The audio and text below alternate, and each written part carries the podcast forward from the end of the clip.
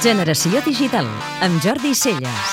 Nintendo ha entrat en una espiral negativa de la qual li serà molt difícil sortir. Per primera vegada en pràcticament 30 anys, la multinacional japonesa ha previst tancar l'any fiscal amb pèrdues. Falten poques setmanes per tancar l'any fiscal japonès i les xifres no han millorat de forma suficient com per fer girar la perspectiva negativa que ja s'anunciava fa més d'un any.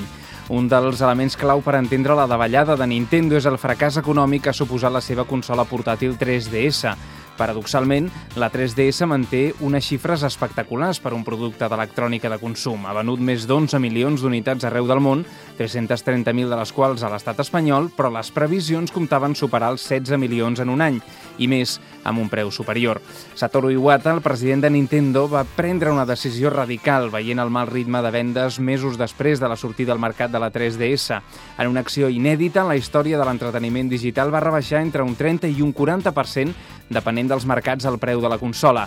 Aquesta acció, sumada a l'aparició de dos jocs de la franquícia estrella de la marca, Super Mario Land 3D i Super Mario Kart 7, ha aconseguit millorar les dades recents, però no de forma suficient com per corregir un any negre econòmicament parlant.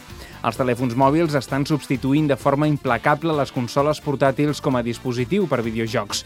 Sagues com Sonic, Grand Theft Auto, Street Fighter, Assassin's Creed o els Sims s'han adaptat magníficament als nous smartphones. Això sense comptar amb els èxits nadius com Angry Birds i companyia, amb un ventall de públic amplíssim, al qual fins ara només havia arribat la companyia de Kyoto. Això s'ha de sumar a la permanent fortalesa de l'IEN davant la resta de divises i l'anunci de retirada del geni creatiu Shigeru Miyamoto, que està darrere dels grans èxits de la companyia. Nintendo té un mal diagnòstic. Fa molt de temps que el té damunt la taula i sembla que els remeis que hi està trobant no acaben de trobar l'èxit del passat. Si finalment la 3DS no acaba sent una carta guanyadora, ho decidiran especialment els nous títols que sortiran al mercat.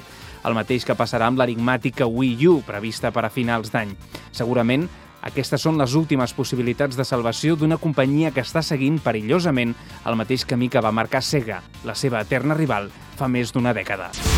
Podeu escoltar Generació Digital cada dissabte de 4 a 6 de la tarda a Catalunya Ràdio.